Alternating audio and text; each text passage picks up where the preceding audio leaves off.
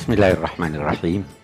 Alhamdulillah wassalatu wassalamu ala Rasulillah wa ala alihi wa ashabihi wa man wala. Bapak-bapak, ibu-ibu, saudara-saudara sekalian, Assalamualaikum warahmatullahi wabarakatuh. Pertemuan yang lalu kita bicara tentang Al-Quran. Kalau kita bicara kandungannya, maka kita bisa membaginya dalam tiga hal pokok. Yang pertama, ada kandungannya yang merupakan tujuan kehadiran Al-Quran. Tujuan. Dia datang untuk itu. Ada lagi cara Al-Quran mencapai tujuannya. Ada caranya. Di Al-Quran disampaikan cara-cara itu supaya Anda sampai ke tujuan. Nah, bagaimana caranya? Ada empat caranya. Cara yang pertama, dia minta kita memperhatikan alam raya. Coba perhatikan ini alam raya. Coba perhatikan itu matahari. Coba perhatikan bulan. Coba perhatikan tumbuh-tumbuhan. Saya kemarin di eh, luar negeri itu ada yang bercerita begini. Kita ngobrol, dia bilang, Pak Kures, saya di sini makin percaya Tuhan. Nah, kenapa? Dia bilang itu waktu eh, musim semi. Itu dia bilang di satu pohon ada yang rontok buahnya. Ada yang warna eh, eh, eh, bunganya masih kemerah-merahan. Dia ini bagaimana ini? Di tanah yang sama, pohonnya kok bisa beda-beda? Tidak ada yang ngatur itu. Tapi ini pasti Tuhan yang atur. Perhatikan itu alam raya. Tuhan menyuruh kita memperhatikan alam raya supaya kita sampai pada tujuan bahwa oh ini memang ada Tuhan yang Maha Esa. Dan supaya kita memahami alam untuk kita manfaatkan guna kepentingan kita. Nah kita ini kan yang paling sulit ini kan sekarang ini Oh, kita paling terkebelakang gitu dalam memahami alam. Terlalu banyak. Allah ciri banyak sekali ayat-ayat. Wasyamsu tajri li mustaqarril laha dzalika taqdirul aziz alim wal qamara. Itu bicara tentang alam. Afala yang duruna ilal ibili kaifa khuliqat wa ilal sama'i kaifa rufi'at. Banyak sekali ayat-ayat yang Coba perhatikan itu. Supaya Anda sampai ke tujuan.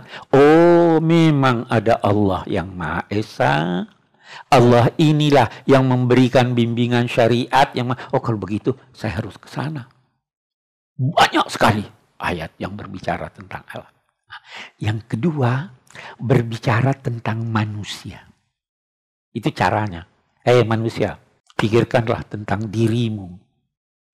Alam yakunut fatam mimani yumna. Thumma kana alaqatan faqalaka fasawwa. Hei manusia, bukankah kamu itu dari nutfah yang merupakan bahagian dari mani yang terpancar. Tahu artinya nutfah dalam bahasa Arab? Nutfah dalam bahasa Arab itu setetes yang membasahi. Setetes pokoknya asal bisa membasahi itu nutfah. Waktu waktu eh, ulama-ulama embriologi bahas itu, dia ini luar biasa ini.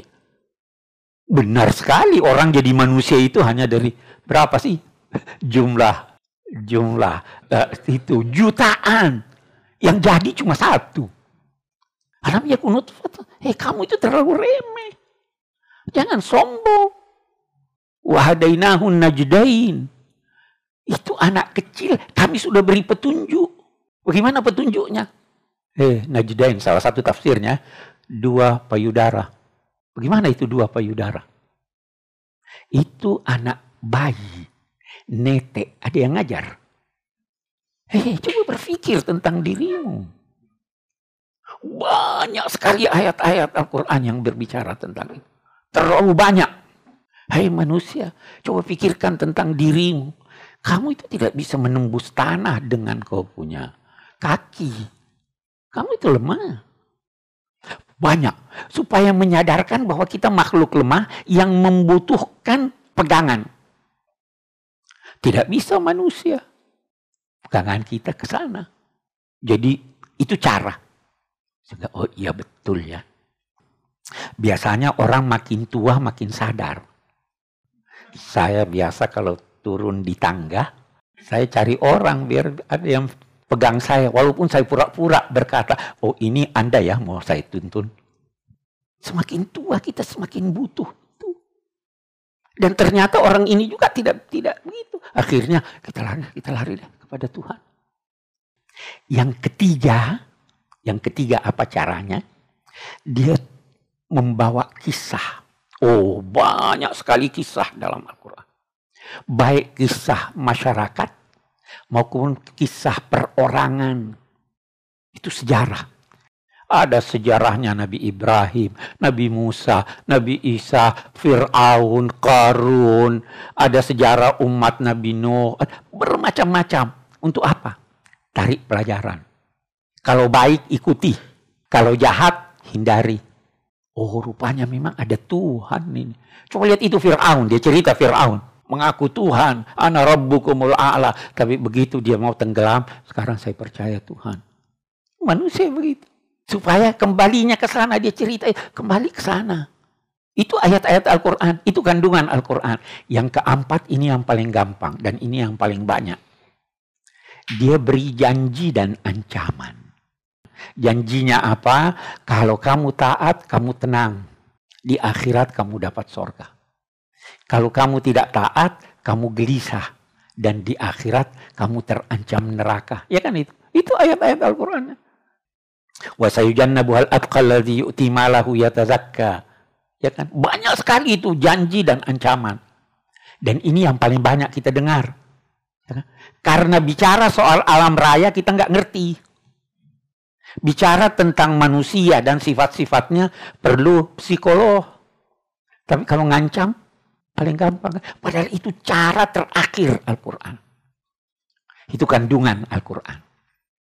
Nah, Kemudian dari kandungan Al-Quran tadi ada tujuan, ada cara. Yang ketiga, bukti kebenarannya. Ada buktinya. Begini, setiap nabi itu diberi oleh Tuhan mukjizat. Diberi Tuhan mukjizat supaya menghadapi orang-orang yang tidak percaya mukjizat nabi-nabi itu sebelum Nabi Muhammad, mukjizatnya berakhir dengan kematian mereka. Tidak lanjut. Kenapa? Karena masih ada lagi nabi sesudahnya yang membawa lagi bukti kebenarannya. Tongkatnya Nabi Musa masih ada atau tidak? Tidak ada. Karena ada Nabi Isa sesudahnya. Nabi Ibrahim yang terbakar dalam api. Kita tidak tahu di mana. Tetapi karena Nabi Muhammad nabi terakhir dan ajarannya di seluruh alam raya, maka tidak bisa mukjizatnya itu bersifat materi. Tidak bisa. Katakanlah dia tongkat. Yang bisa lihat tongkat itu di tempat tongkat itu berada. Ya kan? Dan bisa hancur tongkat. Karena itu mukjizatnya langgeng terus menerus supaya setiap orang kapan dan di mana pun bisa mengetahuinya. Karena dia nabi yang berlanjut. Sampai sekarang masih ada mukjizatnya yang ragu bisa membuktikan bahwa ini Al-Quran tidak mungkin datang dari manusia. Tidak mungkin. Oke. Mukjizatnya banyak. Tapi kita mau bagi tiga secara umum. Tiga mukjizat Al-Quran yang ada dalam Al-Quran kalau Anda baca. Yang pertama, bahasanya. Indah sekali bahasanya. Dan teliti sekali bahasanya. Eh, saya beri gambaran. Yang mana kira-kira lebih bagus ucapan spontan atau ucapan yang difikirkan lama, disusun lama, yang mana lebih bagus? Yang disusun lama. Kalau spontan, pasti Ya kan? Itu. Itu Al-Quran pada umumnya turun spontan. Tapi bandingkanlah Al-Quran redaksinya dengan ucapan Nabi atau ucapan syair-syair pada masa Nabi. Itu unggul sekali. Unggul sekali. Saya beri contoh, ulama beri contoh itu. Dulu pada masa jahiliyah, itu mereka juga mengenal yang membunuh eh, eh, wajar dibunuh supaya tidak terjadi pembunuhan beruntun. Maka mereka mengucapkan al-qatlu anfa lil qatli. Pembunuhan itu menafikan, menghalangi terjadinya pembunuhan lagi. Tahu Al-Quran dia punya kata-kata apa? Lakum fil qisasi haya. Buat kamu semua dalam kisah itu terdapat kehidupan. Ini oh, oh, ini luar biasa ini redaksi ini. Begitu singkat, begitu padat dan mencakup makna-makna yang tidak dicakup oleh apa yang difikirkan lama oleh manusia. Al-qatlu anfalil qatl pembunuhan itu membatasi terjadinya pembunuhan lain. Apa manfaatnya? Tidak disebut. Siapa yang memperoleh manfaat? Tidak disebut. Coba lihat Quran. Lakum manfaatnya untuk kamu semua. Fil. Dalam melakukan pembalasan yang seimbang. Kalau di sana pembunuhan. Bisa jadi pembunuhannya tidak seimbang kan?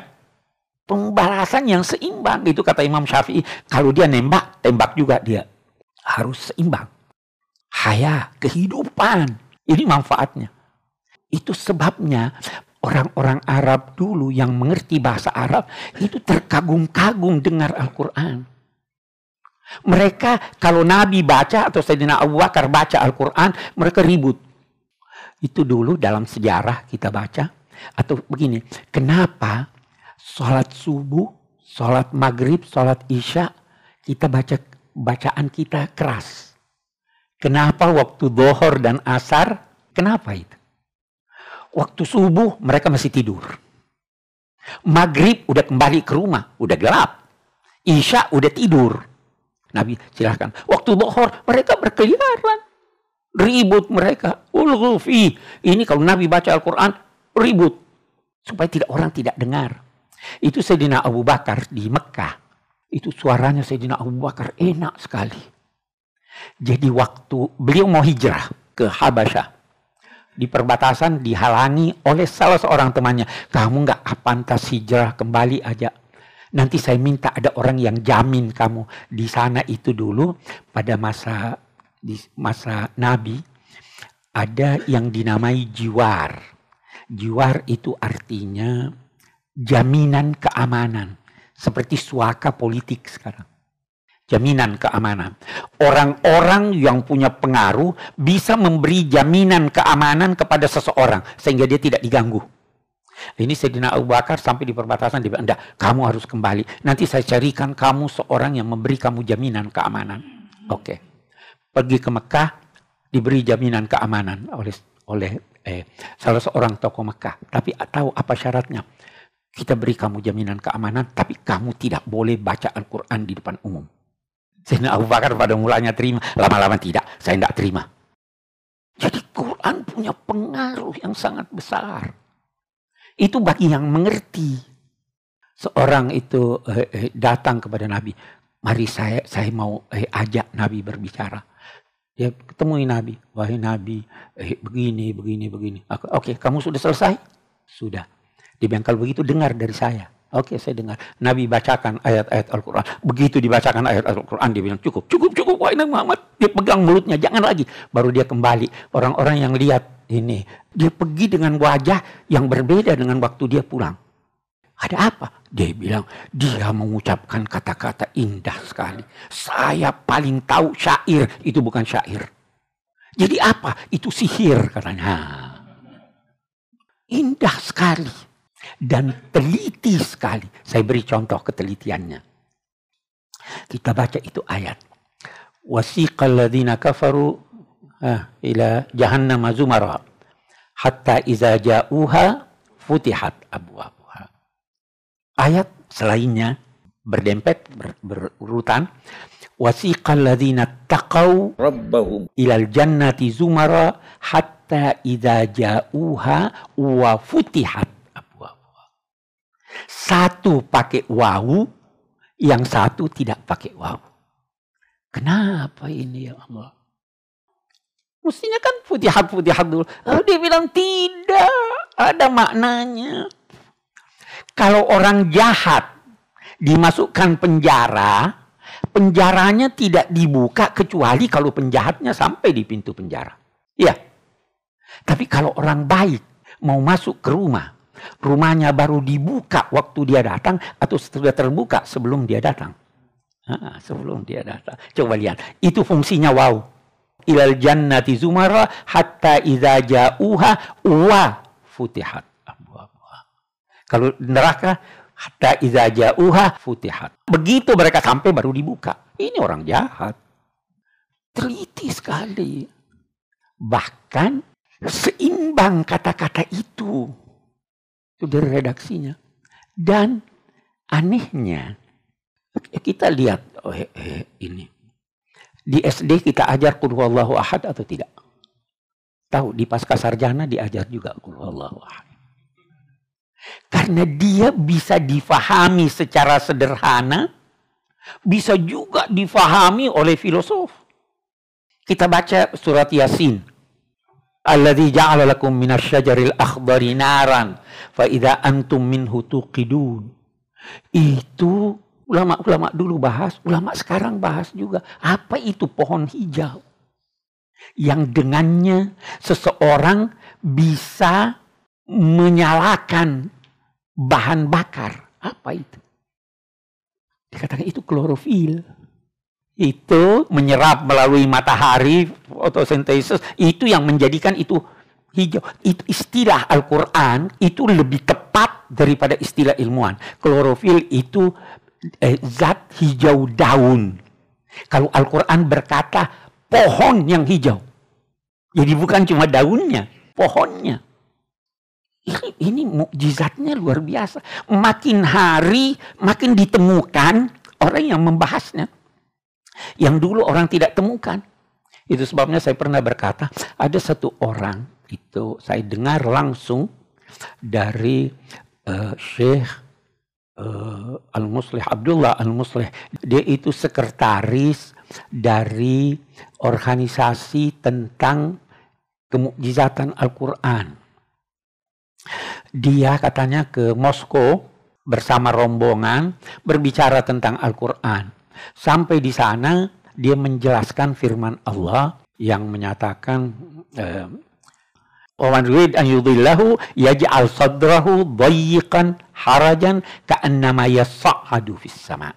Siapa yang Allah kehendaki untuk dibiarkan sesat, Allah menjadikan dadanya sempit seperti kalau dia naik ke langit. Ya sa'adu sama. Itu dia bilang, eh waktu dibacakan itu ada seorang di Moskow asalnya dari Yugoslavia. Ahli dalam bidang angkasa luar. Dia tanya, benar di situ dia katakan orang yang naik ke langit itu dadanya eh, sesak sempit. Dia bilang, iya. Siapa yang bilang itu? Tapi ini disampaikan oleh Muhammad. Dia bilang, ini kita tidak temukan kecuali setelah orang naik ke atas. Padahal Nabi Muhammad tidak pernah naik ke atas. Dari mana ini dia tahu? diselidiki diselidiki itu orang rupanya karena asalnya dari eh, Yugoslavia dia punya kakek-kakek itu muslim. Dia masuk Islam. Jadi sampai sekarang kita bisa menemukan dari Al-Quran redaksinya yang begitu teliti bahwa ini tidak mungkin disusun oleh Nabi Muhammad. Tidak mungkin. Apalagi spontan. Ya kan? Spontan redaksinya yang begitu teliti yang begitu seimbang, isyarat-isyarat ilmiahnya. Tidak ada yang pernah tahu sebelum abad ke-19, bahkan awal abad ke-20. Terserah cara cara kita berhitung tentang abad. Bahwa jasad Fir'aun itu masih ada. Tidak ada yang tahu itu. Tapi Al-Quran di surat Yunus berkata, Al-yawma nunajjika bi badanika litakuna liman khalfaka ayah. Hari ini kami selamatkan badanmu supaya engkau menjadi pelajaran bagi generasi sesudahmu. Badannya diselamatkan. Siapa yang mau lihat Fir'aun itu ada di Mesir sana. Itu bukti kebenarannya dari segi ilmiah. Itu ada di Quran. Persoalannya orang tidak mau baca. Persoalannya orang tidak mau teliti.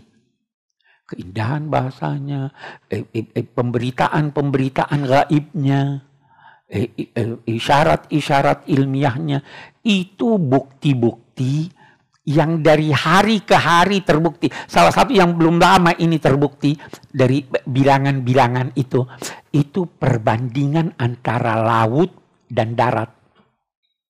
Itu jumlah kata-kata laut di dalam Al-Quran, prosentasinya itu 70 sekian persen jika dibandingkan dengan, jadi begini, ada kata bahar, ada kata bar.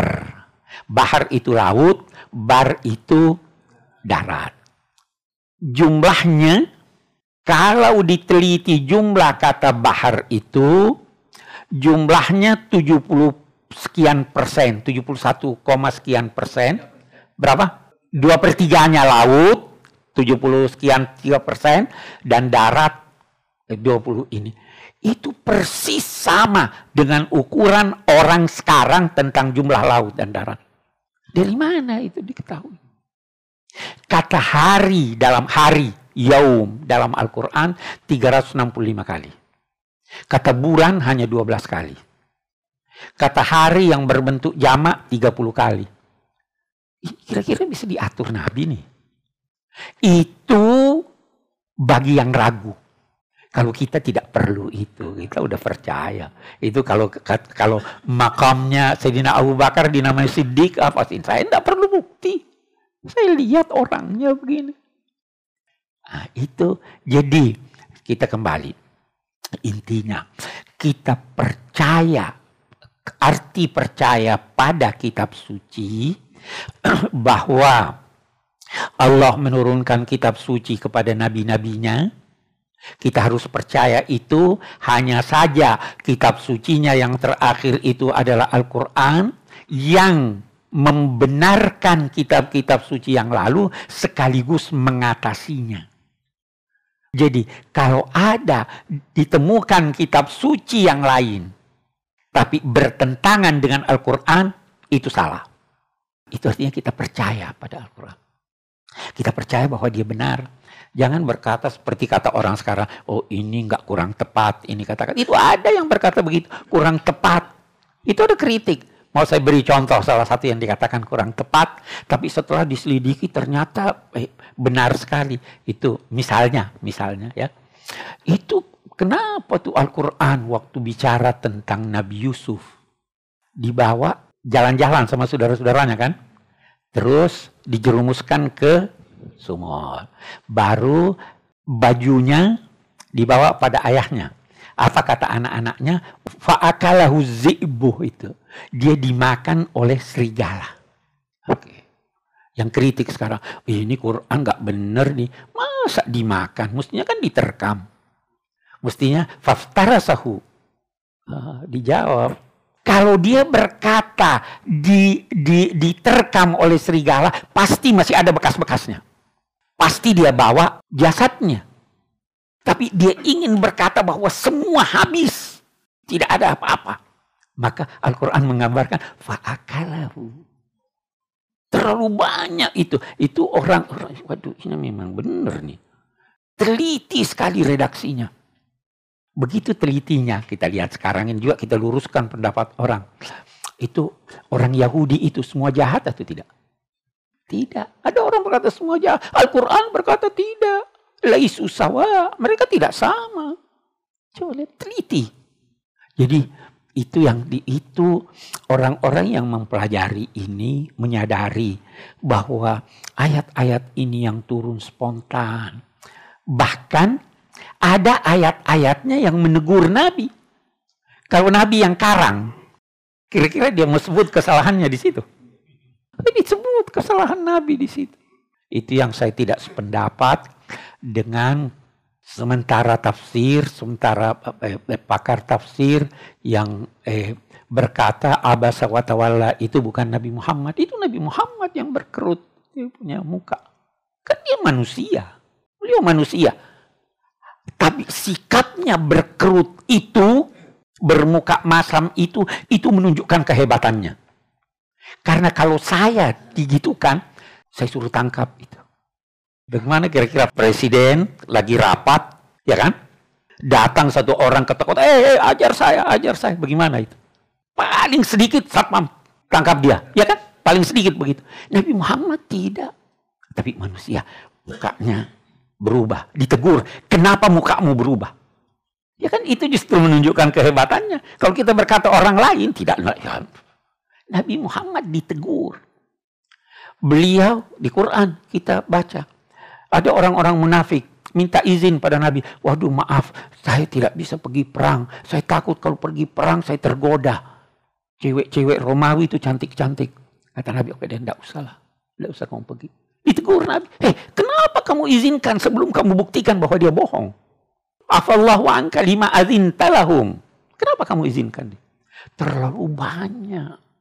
Karena memang beliau hanya menyampaikan persis sama. Itu dulu saya pernah katakan, persis sama sampai-sampai kata kul pun dia ulang. Kul huwallahu ahad. Itu kul siapa yang diperintah untuk berkata? Nabi Muhammad kan? Mestinya kan dia tidak usah dia kan kata Allahu ahad, samad. Tidak. Saya sampaikan persis apa dengan yang saya terima. Qul huwallahu ahad, qul huwallahu ahad. Nah, jadi kita percaya Quran. Minimal. Banyak kan isinya? Itulah dirumuskan dengan rukun iman. Percaya pada Allah. Allah yang bagaimana? Yang kita terangkan dulu. Yang Maha Esa Percaya pada nabi, banyak nabi, percaya pada nabi yang 25 nabi, ya kan? Percaya pada hari kemudian ada hari pembalasan. Bagaimana rinciannya? Tidak usah tahu. Itu nanti dibangkitkan ruh dengan jasad atau cuma ruh saja. Terserah Anda. Saya sering berkata, saya ingin ruh dengan jasad. Nikmat materi dan nikmat rohani. Yang tidak mau Pak percaya ada nikmat materi silahkan. Tapi kalau nanti disuguhi burung-burung, bidadari, jangan nyesel loh. Itu itu percaya namanya. Itu membenarkan. Ini benar. Saya kira itu ya tentang kepercayaan menyangkut Al-Quran.